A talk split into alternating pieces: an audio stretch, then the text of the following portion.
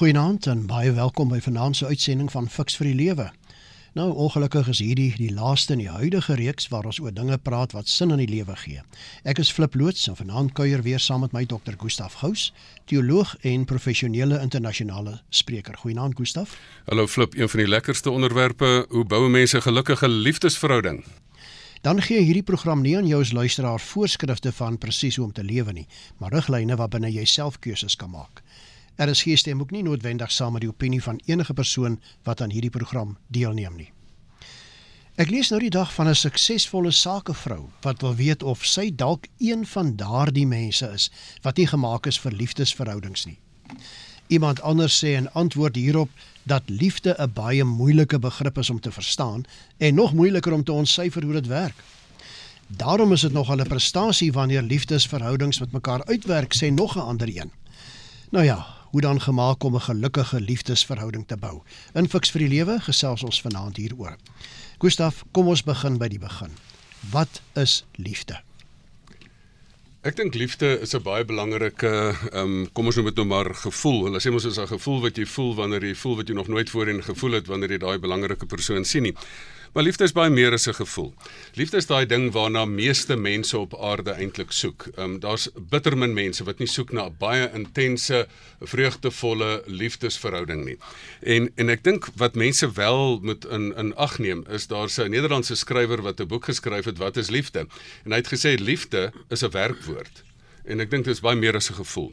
En mense kan dit nou probeer verklaar, maar dis ek bedoel as jy laaste ding wat jy met liefde probeer doen. Ek dink die die die een sielkundige Willem Stern het gesê liefde is daai resonering tussen waardes. Ek bedoel jy is op die strand en jy het 'n mooi lyf en daar hardloop iemand met 'n mooi lyf en en en jy sien die persoon en jy dink genade, maar dit is nou dis nou my mens daai. Ehm um, en en ek dink daai resonering van waardes of dit nou oor oor gesondheidswaardes is en dan kom jy nou weer terug in die dorp en as jy op vakansie romanse daarmee heen want jy besef ons het totaal ander waardes of ander aspekte in die lewe. So ek dink liefde is 'n is 'n baie um komplekse ding, maar ek dink die beste manier om dit te verstaan is is om om na die vier liefdes te kyk, na die na die Griekse woorde vir liefde want want wat is liefde eintlik? Um die die eros liefde in Grieks is erotiese aantrekking. Ek bedoel dit is um die ander persoon het iets wat ek nie het nie en ek wil dit hê. Dit is daai besitlike liefde. Ek wil jou hê. Dis maar, baie op die uiterlike gefokus, nê? Nee. Ja, dis dis baie meer op die uiterlike gefokus, maar dan het jy agape liefde. Dis daai goddelike liefde wat sê maar ek het jou nie lief vir wat ek by jou kan kry nie, ek het lief vir wat ek vir jou kan gee. Ek bedoel, ek sit eendag op 'n Griekse eiland en ek vra vir 'n persoon, nou ek, ek probeer so 'n bietjie wys dat ek kan Grieks praat en ek sê vir die die die die, die persoon wat my bedien daar, nou wat is die verskil tussen nou die vier Griekse liefdes van Eros, Phileo, Charitas en Agape? Hy sê en hy so geradbraakte Engels, hy krap sy kop so hy sê, "Sir, Eros love is I'm happy when I'm happy." Hy sê agape love is I'm happy when you are happy. So so ek dink dis daai gee liefde, maar dan het jy nog vriendskapsliefde wat phileo is waarna waarna die Griekse woorde ook verwys en dan het jy charitas liefde waar die woord charity vandaan kom wat daai dat dit liefdadigheidsliefde eintlik is en, en dan het jy nog sorge liefde, dis daai dag tot dag liefde, dis daai deel die dinge van die lewe liefde. So liefde is op baie maniere te beskryf um, in baie gedigte al, maar dis eintlik iets wat jy moet doen in 'n volle liefdevolle verhouding. Nou as jy sê ons moet dit doen, watter soort liefdesverhoudings kry 'n mens dan? Ek dink die liefdesverhouding, daar's vreemde tipes liefde wat 'n mens dan eintlik op aarde het. En die en die eerste liefde is ek wil jy kan jou land lief hê. Jy kan uh, die natuur lief hê. Jy kan die Drakensberge lief hê. Ehm um, jy kan eintlik die jy kan ook kom ons sê dit maar jy kan die see lief hê. Um, jy kan jy kan die Here lief hê. Jy kan vriende lief hê. Maar ek dink as daai mens wat jy liefhet, is is is ek dink dit is die belangrikste ding. Dit is daai diep persoonlike intieme verhouding. Wat is die verskil tussen vriendskap um, en en 'n liefdesverhouding? Dit is die vlak van intimiteit. Ek bedoel, mens slaap nie met al jou vriende nie. Jy het nie die deel nie bed met al jou vriende nie. Ek bedoel die die kort en lank is, die 4 by 4 van intimiteit is daai diep persoonlike egte liefdesverhouding waarvan ons vanaand praat. En daai 4 liefdes is fisiese liefde. Dit is soos 'n 4 by 4 wat wiele het. Dit is daai fisiese liefde, dit is daai emosionele liefde. Dis daai intellektuele liefde. Met ander woorde, 'n mens kan jou liggaam deel, jy kan jou hart deel. Ehm um, jy kan gedagtes deel. Ehm um, jy kan nie die hele dag um, fisies intiem wees nie. Jy moet nog bietjie gesels ook ander tye van die dag. Ehm um, en dit is daai kan ons saam gesels, kan ons ons breine laat konnekteer. En ehm um, daar sit ook geestelike liefde. Hulle sê 'n familie wat saam bid sal altyd saam bly. Ja, en nou sê die Bybel, jy moet jou naaste lief hê soos jouself, Gustav. So dit gaan nie nou net hier oor man vrou nie, maar dit gaan selfs weier. En daarom wil ek jou vra, waaruit bestaan 'n liefdesverhouding? Dis nou by die naaste wat ingesluit is, 'n gesinsverband teenoor medemense. Hoe werk dit? Ek dink 'n liefdesverhouding met 'n mens soos bankrekeninge sien. as jy die dag as jy die dag trou, né, ehm um, dan maak jy 'n bankrekening oop by iemand met 'n beleggingsrekening en 'n onttrekkingsrekening. En ehm um, as jy nou vir iemand lief is en jy ehm um, bring vir 'n persoon daar 'n ou koffietjie en doen allerlei goeie goed en maak 'n lekker verjaarsdag dag en um, maak letterlik dat jy daai persoon nou um, op Valentynsdag bietjie bederf en meer as dit dat jy die persoon eer en en regtig versorg en selfs 'n persoon siek is, iemand versorg, dan maak jy mos nou beleggings in daai bankrekening. Maar as jy nou onttrekkings maak en ongeskik is met iemand en iemand beledig voor ander mense en openbaar uitgaan en en en eintlik ehm um, jou naam met 'n plank slaan of ehm um, of, of as jy nou nog nou regtig nou allerlei onttrekkings maak en as jy nog by die huis aankom met daar lipstifie op jou kraag en jy's nog staan in ontrou, dan het jy nie net 'n onttrekking gemaak nie, dan het jy 'n gat in die bankrekening gekap en dan loop al die goeie waarde loop daar uit. So 'n um, 'n liefdesverhouding, um, um letterlik alle verhoudinge is maar soos 'n bankrekening. Um dit geld ook vir 'n werkgewer. As jy vir 'n werkgewer gaan werk, moet hulle jou betyds betaal, maar jy moet ook jou werk doen. Jy bou 'n wedertydse kapitaal bymekaar op. Um as jy in 'n gesin, ek bedoel sissies teenoor mekaar, as sissies mekaar beledig en krap en te kere gaan, eh, dan dan dan daal die beleggingsbankrekeningkie, maar as jy dan konstant beleggings maak en daar en as jou sussie hartseer is of as jou boetie se se meisie om om in die steek laat en en jy ondersteun hom daarmee 'n bietjie, dan bou jy mos so 'n verhouding. En ek bedoel, dis waar ek altyd praat van so my beker loop oor verhouding, so amper 'n Psalm 23 verhouding. Dit is dis hoekom ou mense baie keer so op die stoep daar kan sit en hulle het hierdie vol verhouding, want hulle het oor jare het hulle belê in mekaar en hulle hulle het 'n vol oor bank oorlopends toe vol bankrekening van liefde by mekaar. Ek sien die SMS'e kom baie vinnig in, Gustaf. Hier so eene van Meisie Visser. Sy sê naam daar, ek en my man is 22 jaar getroud. Ons respekteer mekaar en doen en gee vir mekaar. Maar nou vra Martie, ek weet nie van waar is sy nie. Hoe werk dit nou as iemand in 'n liefdesverhouding met twee mense gelyktydig is? Ek verstaan dit nie. ek dink die daar's daar's baie min mense wat dit nie al uitprobeer het nie, maar wys my een mens eh, vir wie dit gewerk het. wys my een mens wat nie 'n bloedneus daar gekry het nie. Daar's nou maar een ding van liefde. As jy wat is die wat is die hele doel van liefde? Jy sê dis ek en jy en dis ons twee en dis al wat daar is. En ek dink dis een van die verwagtinge. As as jy nou na die suksesresep van 'n huwelik toe wil gaan, dan is daar 12 of 13 verwagtinge wat jy moet uitklaar. Die verwagting, een van die verwagtinge is getrouheid. Ehm um, ek sê altyd as jy het so 10 dinge in twee ringe in die in die ring van getrouheid is die is een van die dinge. So, vat byvoorbeeld nou Lady Diana. Daar verwag sy nou ehm um, daar verwag sy nou ehm um, een vrou, een man, of een prins, een kasteel. En toe is daar nou 'n bietjie meer as een en dit het haar intens hartseer gemaak. Mense, daai ding werk nie. Ehm um, baie mense het dit al probeer. Die ding kom altyd uit. Ehm um, dit gaan altyd veel moeilikheid veroorsaak en liefde is 'n ding wat hom nie wil laat deel nie. As weet jy as jy trou, dan gaan jy mos nie sê ek gaan nou liefde nie. Jy sê mos die naweek, wat gaan jy nou doen die naweek? Nee, ek gaan nou trou. Weet jy trou beteken trou. Dis getrouheid. Jy beloof, dis ek, jy, ons is dis alleen. Daar's nie plek vir iemand anders nie. Probeer dit 'n bietjie. Jy gaan bloedneus kry. Ek hoor baie jong paartjies sê ook weet voor hulle wil gaan trou, maar ons is so vir jare al goeie vriende. Ons kan maar net sowel trou. Nou watter rol dink jy speel vriendskap in 'n liefdesverhouding? Ek dink ek dink vriendskap is 'n is 'n fantastiese basis vir 'n liefdesverhouding. Baie mense dink net die liefde, huweliksliefde is net daai vlammetjie van um, erotiese liefde.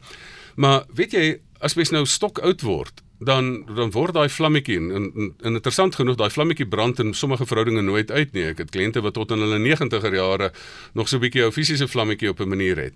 Maar ehm um, die die kort en lank daarvan is is dat ehm um, jy kan nie vir die hele dag lank erotiese liefde bedryf nie. Jy moet gesels. Jy moet gedagtes deel. Onthou daai 4 by 4 van intimiteit is Um, vir jong kappeltjies vra ek altyd nou, wat gaan nou die ander um, 23 uur of, of 21 uur van die dag doen? Jy moet kan gesels, jy moet kan oor dinge kan gesels. So vriendskap is om daar te wees vir mekaar. Is om is om om om nie net die vonke te laat spat in 'n in 'n in 'n warm verhouding nie, maar is om mekaar te ondersteun, om 'n vriend te wees. As jy swaar kry daar te wees om te sien maar ek is bietjie af vandag. Wat's fout? Kan ek jou nie bietjie op ophelp nie? Wat gaan hier aan? So 'n vriendskap as as jy jy vir iemand nog baie sterk um sterk liefdesgevoelens en aantrekkingskrag teenoor iemand het, die basis vir 'n langdurige verhouding is dat julle ook goeie vriende kan wees. Jy luister na RSG, dis die program Fix vir die Lewe en ons gesels vanaand oor hoe bou ek 'n gelukkige liefdesverhouding. Ek is Flip Loots en my gas is Dr. Gustaf Gous en jy's luisteraar kan nog lekker saamgesels. Baie dankie vir die wat reeds SMS'e gestuur het. Jy kan ons jou mening gee. Gebruik die SMS nommer 45889. Onthou net elke SMS kos R1.50. Hier is 'n SMS wat ingekom het anoniem Gustaf wat sê ons is 48 jaar getroud en het niks meer om vir mekaar te sê nie. Elke sin ontaard in onaangenaamheid. Ek word aan mekaar verkleineer en gedomeineer. Dis of ek 'n bedreiging is. Wat staan my te doen? Ek is raad op en dit wil nou aansluit by die vraag wat ek vir jou wil vra. Watter omstandighede bedreig 'n liefdesverhouding? Hoekom werk myne dan nie uit nie? Is dit so dat daar mense is wat net nie gemaak is vir liefdesverhoudings nie? Sjoe, baie vrae in een. Ek dink die die heel belangrikste is is dat um, baie mense kom na my spreekkamer toe en dan sê hulle weet jy ons het niks meer vir mekaar te sê nie. En weet jy wat is dan gewoonlik die geval? Ek het in my my inspreekkamer toe ek nog by 'n petrochemiese maatskappy gehad het, het ek so 'n tafeltjie in die middel gehad en dan het ek altyd nou as ek gereise tydskrifte daarop neergesit. Dan raak die hoopie tydskrifte nou hoog en dan raak, gooi ek nou maar 'n bietjie van die oues weg. Nou as 'n mens kommunikeer in 'n verhouding en jy het nie goeters uitgepraat nie, dan bou daai tydskrif op. En en nou het jy 'n ding nie uitgepraat nie, maar as jy ek bedoel na 10 kliënte 'n dag, dan is daar 10 tydskrifte. Dis nog nie 'n probleem nie. Maar na 'n maand is daar nou baie tydskrifte. Ek bedoel na 40 jaar, as jy sekere goeters nie uitgepraat het nie, dan lê daai tydskrifte so 'n hoog in 'n muur tussen jou dat jy niks meer het om vir mekaar te sê nie want dit is wat baie op egskeidingsdokumente praat. So die die ding wat maak dat huwelike nie werk nie is dat hulle nie die immuniteitstelsel van 'n huwelik het nie. Weet jy wat se immuniteitstelsel van 'n huwelik? Dit is kommunikasie. Kommunikasie is om te sê, luister, die manier hoe jy praat is nie vir my lekker nie. Weet jy wat doen mense in 'n huwelik? Hulle hulle gee jy boodskappe. Jy is so en jy is so dit word nooit uitgepraat nie en is dan nie verbasend dat jy dat jy nie eers na 40 jaar nie, maar sommer na 4 jaar al niks meer van mekaar te sê het nie. Maar as jy die kommunikasie vermoë het om vir iemand te sê, ehm um, nie 'n jy boodskap, jy is wat die wat die verdedigingsmeganismes opsit nie, maar wanneer jy voel ek ek sal verkies dat, ehm um, dan dan praat jy daai goeters uit. En en en ek dink wat basies wat basies gebeur in 'n huwelik is omdat daar nie kommunikasie is nie, dan sterf 'n huwelik um, as gevolg van die kleinste moontlike dinge. Die immuniteitstelsel is 'n ding wanneer daar 'n virus inkom wat hom onmiddellik um, uitvee. Weet jy wat gebeur gewoonlik in huwelike? Um, in plaas daarvan dat mense hulle eie wysheid los en en sê dat ek wil leer by iemand, ek dink die hele tyd ek is reg en ek is reg. Um uh, ek sê altyd spottenderwys, die huweliksdag is die eenwording van twee mense en die res van die huwelik is om te beklei watter een. Weet jy dit is so onnodig. As mense nou nog gaan staan en sit. Ek sit baie keer in in, in 'n gesprek net dan dan begin iemand vertel. Sê luister, ons het 5 jaar terug het ons met die uh, raai die rooi kar gery en ons het dit gedoen. Sê persoon nee, dit was 6 jaar terug en ons het met die silwer kar gery. Nou wil ek alper vir daai koppel sê asseblief julle, wil julle nie is dit nou regtig nodig? Dis nie lyn deel van die storie nie. Ehm um, Ons wil kan julle net julle issues uitsorteer nie asseblief. Ons wil net die storie hoor. Geen nie om wat se kar dit was of dit 6 of 5 jaar terug was nie. So partykeer wil jy jou persoonlikheid van ek moet stip wees en tot dit wil jy op die ander persoon afdruk. So ek wil hê jy moet wees soos ek wees. In plaas daarvan dat jy 'n leef en laat leefhouding het, dat jy sê is dit nou regtig belangrik hierdie ding. Um, en kommunikasie is die ding wat huwelike maak of breek as jy die immuniteitstelsel van kommunikasie het. As jy nie kommunikasie het nie, weet jy weet jy wat het 'n huwelik dan? Dan het 'n huwelik vigs. Want vigs is die immuniteits um, gebrek sindroom. Um, en en as jy kommunikasie het, dan kan jy enige krisis um, in 'n huwelik kan jy eintlik kan jy oorwin. Ek sien hier is 'n baie interessante SMS wat ingekom het. Die persoon sê ek kan nou nie sien daar's geen naam by nie. Making love all day beteken om elke klein daad wat mense aan mekaar doen te laat saamwerk tot die mooiste van intimiteit. Dan is jy heeldag eintlik intiem met God. En uh, dan is daar iemand anders wat sê, dis Koos van Hoekwil. Hy sê hy en sy vrou is al 60 jaar getroud. Te begin jou dag met God en eindig dit met God, dan maak jy nie 'n fout nie. Maar nou is daar iemand anders, Gustaf, wat sê ek is in 'n verhouding met 'n narcis. Ek word gereeld verneder en met geweld gedreig. Ek het getrou om nie te skei nie. Hoe hanteer ek dit nou verder? Ek dink die belangrikste ding is die die een ding wat 'n huwelik doodmaak is narcisme en die teenpool van narcisme is ook eintlik 'n ander ding. Weet jy wanneer wanneer is die gemors regtig die diepste? Wanneer 'n narcis met 'n sogenaamde empath trou. Um, en wanneer 'n narcis met iemand trou wat vir hulle geen geleentheid gee om al word ek dan hoe en hoe verniel dat ek dat ek nooit sal uittreë nie. As daar nie in enige verhouding 'n weglooplyn is nie. En ek wil selfs die Bybel gee vir daai weglooplyn. As daar 'n stuk ontrouheid is, dan is daar 'n weglooplyn. Jy mag dan uit 'n situasie uit uitgaan. As jy tot in die grond in verneder word, watse verpligting is daar om jou in 'n huwelik te bly as jy dan spesifiek in jou menswees so doodgaan dat jy nie eers daar kan wees vir ander mense. As iemand jou dan stellig vermoor eintlik psigies um, of op ander wyse, selfs met fisiese dreigemente. So 'n narcis hou vreeslik daarvan dat iemand sê nee, ek sal dit sal dit nooit doen nie. As 'n narcis skrik nogal baie as jy besef maar weet jy wat, jou selfsug het pas hierdie verhouding gekelder. En, en ek sal tot in die laaste loopgraaf beklei vir 'n huwelik um, maar waar dan narcisme betrokke is, um, dan dan die eerste plan wat ek het is wat ek sommer by wyse van van spreuke noem die 10 punt tweeringplan vir 'n gelukkige huwelik. daarmee help ek mense om om huwelike voor voor te berei en te bedryf. Maar daar is ook 'n punt wat jy dan ongelukkig die egskeiingsplan moet implementeer. Um, en die een ding wat 'n huwelik doodmaak is basies narcisme. En dan sê Gerard van Wyk, liefde is om sin en geluk in die lewe te vind deur konsekwent op te tree en die beste belang van jou geliefde al kos dit ook offers. Maar Gustaf, kom ons raak 'n bietjie prakties. Hoe werk die proses om 'n gesonde liefdesverhouding te bou? Kom ons kom ons maak daai ding bietjie weer eenvoudig flip. Weet jy, ons maak hier goeie so ingewikkeld. Kom ons dink nou hoe werk die ding nou mooi. Hier word jy nou gebore. Jy word nie nie jy word nie gebore getroud nie. Jy's as 'n enkel persoon word jy gebore. Nou moet jou pa en jou ma jou opvoed. Nou die eerste moeilikheid kom wanneer wanneer jy nie behoorlik opgevoed word nie. Baie mense sit later in die huwelik. Sê ek wens jou pa of wens jou ma het jou beter groot gemaak. So die eerste ding is mense as jy goeie huwelik wil bou, mense maak asseblief julle kinders mooi groot want dit is nie lekker om met 'n met 'n ongeskraapte aardappel getroud te wees nie. Maar dankie jy ook dit nou nie as 'n verskoning gebruik en sê dis nou my pa en ma se skuld nie. Daar's 'n tyd wat jy vir jouself verantwoordelikheid moet vat. So die volgende stap van 'n gelukkige huwelik. Hierdie ding begin ver. Dan moet jy nou met jouself begin. Dan moet jy sê maar luister ek moet aan myself werk. Ek moet my myself bietjie mooi maak. Ek moet myself groei. Weet jy, as jy nou gaan staan en verwag en dat iemand anders nou moet gaan hou van 'n onhigiëniese persoon wat sleg ruik met 'n aglike persoonlikheid, sommer met 'n verslawing op die koop toe en met 'n slap houding of 'n lelike houding en 'n te warm uurmeer.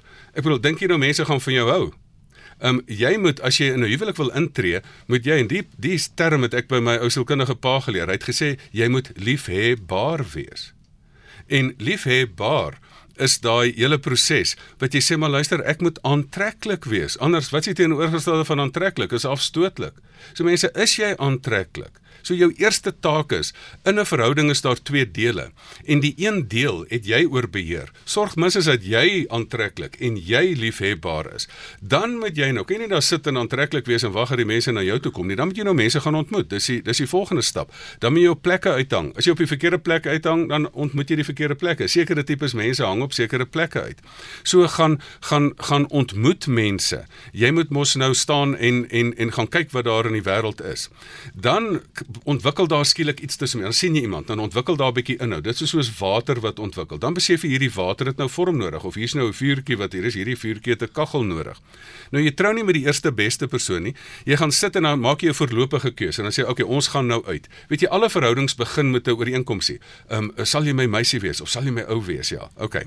Nou het ons 'n nou het ons 'n verhouding. Nou wat doen jy na 'n verhouding? Jy leer die persoon ken. So die eerste een is ken jouself, dan leer jy die ander persoon ken. Dan kyk jy nou, kan ons hierdie ding laat werk. Dis hoekom mens tyd nodig het. Jy moenie sommer net met die eerste persoon trou nie. Dan gaan 'n mens nou sê, nou weet jy, ek dink nou hierdie ding kan werk. Nou gaan ek 'n finale keuse neem en ek gaan nou besluit ons gaan nou trou. Dan raak mens verloof. Wat is verloof is 'n belofte tot trou. As jy dan tussen verloving en trou nie 'n huweliksvoorbereidingskursus doen nie. As jy nie een van die grootste besluite wat jy gaan doen, jouself gaan voorberei van hoe gaan ek nou twee persoonlikhede wat vierkante meter deel kry om saam te werk sonder dat ons mekaar doodmaak en en dis meer nie. Dan moet jy nou al daai voorbereiding doen. Jy moet jy moet mekaar nog beter leer ken. Jy moet voorberei en weet wat dit behels. Dat jy nie later kan sê, luister, ek het nou nie hiervoor opgeteken nie. Ek het nou nie geweet nie. Dis net jou eie skuld as jy dit nie gedoen het nie. Dan moet jy nou jouself sê nou maar wat s'ie mooi Afrikaans woord vir commit. Dan moet jy nou gaan sit en jy moet nou gaan gaan gaan sê okay, ek gaan nou volledig trou beloof aan jou. En weet jy wat? dan is dit nou nog dan begin die proses eers. Dan moet jy nou gaan belê, dan moet jy nou daai bankrekening kies gaan volmaak. Dan moet jy nou gaan werk in die verhouding en dan moet jy mekaar se regmatige verwagtinge gaan vervul. Jy moet die verwagtinge uitklaar en vervul vir die res van jou lewe. Ek sien hier is 'n SMS van Kobus, hy's van Kuilsrivier. Hy hy vra Gustaf, kan 'n pessimis en 'n optimis vrede, vreugde en blydskap in 'n huwelik laat werk? Ehm um, die antwoord is ja en nee. As nie een van hulle leerbaar is nie, dan gaan dit nie werk nie. Die ding wat 'n huwelik doodmaak is dat jy 'n onleerbare gees het. As 'n pessimis kan leer, wat gewoonlik net geneig is om die negatiewe raak te sien om ook die positiewe raak te sien. En as 'n positiewe persoon kan sien, weet jy, daar's ook regmatige feite wat jy moet in die in die oë kyk. Daar is ook klippe in die pad as jy dit nie raak sien nie, gaan jy daaroor struikel. Ek ons het in 'n vorige program met ons gesê die beste houding is nie 'n pessimis of 'n optimis nie. Dit is om 'n realistiese opportunis te wees. En 'n realistiese opportunis sien die probleme raak wat die pessimis raak sien, maar sien die geleenthede raak wat die optimis raak sien. So as as die twee dalk is het, is julle vir mekaar gegee, dan as jy gelowige is deur die Here, dink glo jy, dan is jy juis daar om mekaar te korrigeer en tot 'n beter gevolgtrekking te kom omdat jy die beste van beide kry en en nie mekaar probeer verklein neer of uithaal nie. Dis RSG met die program Fix vir die Lewe en ons gesels vanaand oor hoe bou ek 'n gelukkige liefdesverhouding. Ek is Flip Loots en my gas is Dr. Gustaf Gous. Jy het nog so 8 minute of wat om ook jou mening vir ons te gee. Jy kan die SMS nommer gebruik 45889. Onthou net elke SMS kos R1.50. Gustav terwyl ons nou hieroor praat, ek merk heelwat wat SMS'e wat vertel van probleme in die huwelik, spanning, uh, ongelukkigheid. Hoe moontlik dink jy is dit om 'n gebroke liefdesverhouding te herstel? Uh, dit is uiteraard 'n ding dat daar's daar's niks moois op aarde wat nie ook op op breek nie. Nou wat is 'n gebroke liefdesverhouding? Dit is wanneer jy um, in plaas van dat jy beleggings gemaak het in iemand anders, um, het jy geen beleggings gemaak nie en hierdie verhouding het bankrot gespeel. En wat doen 'n mens gewoonlik met 'n bankrot besigheid? Jy verklaar die ding insolvent en jy maak die ding toe. Nou, hoe hoe werk 'n gebroke liefdesverhouding? Jy het op een van daai 12 of 13 aspekte wat jy uh, regtig regmatige verwagtinge het um, is dan iets wat dan nie die verwagting nie vervul is nie. Onthou, wat is die verwagtinge? Daar moet bietjie geld in die stelsel wees, daar moet intimiteit in die stelsel wees. Ehm um, daar moet goeie kommunikasie wees. Vir die belangrikste ding is daar moet getrouheid in die stelsel wees. Ehm um, en en die grootste verbroke rede vir gebroke verhoudinge is dat dat jy nie dat daar ontrou is. Nou kan dit herstel. Ja, daar is 'n kriteria hoe dit kan herstel. Jy vra vir die persoon, wat het gebeur? En jy vra vir die persoon wat dit anders. As die persoon net sê oog, dit was 'n donker en stormagtige nag en 'n oordeelsfout in 'n oomblik. Dan kies jy okay nou en dan vra dan is dit nou alles goed en wel. Nou kan iemand vergewe, maar wat is anders? Dan sê nee, ek gaan maar by die volgende donker stormagtige nag en ek het hom maar weer doen. So as jy nie weet wat is anders nie. Ek wil net vir julle sê, die detail daarvan werk mens nou in in 'n spreekkamer uit.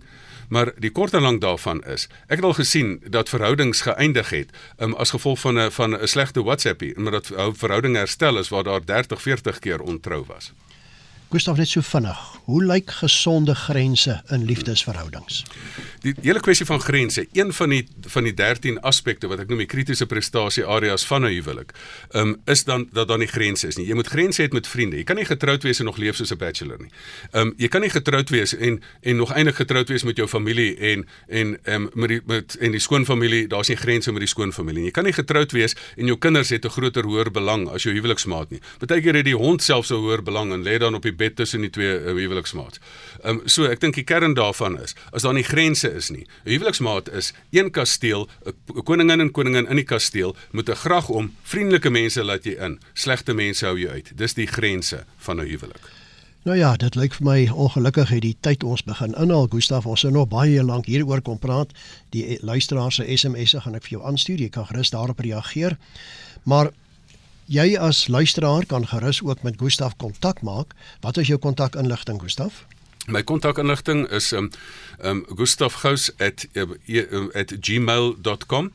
En ek dink die beste is gaan kyk bietjie op um op die Fix vir die Lewe. Vat jou selfoon, gaan op die Fix vir die Lewe bladsy en daar gaan ek vir jou inligting stuur. Want weet jy, as mense huwelike suksesvol van maak, moet jy nie net wanneer jy trou huweliksvoorbereiding doen nie. Doen dit. Moet jy nie net in 'n huwelik, moet jy dit doen as jy lank getroud is nie. Jy moenie net um as jy nog in 'n verhouding is, dit doen nie. Jy moet selfs voor jy in 'n verhouding is, moet jy gaan kyk, wat is die kritiese prestasie areas? Jy vergewis daarvan, voorberei daarvoor, dan sal jy 'n gelukkige huwelik kan hê. En my kontakinligting flip by mediafocus.co.za. Ja, dit was dan die laaste in hierdie reeks van Fix vir die Lewe. Baie dankie vir elke aand se lekker saamkuier met jou as luisteraar en ek en Gustaf en ons ander gaste wens jou alles wat mooi is tot ons weer saamgesels. Totsiens.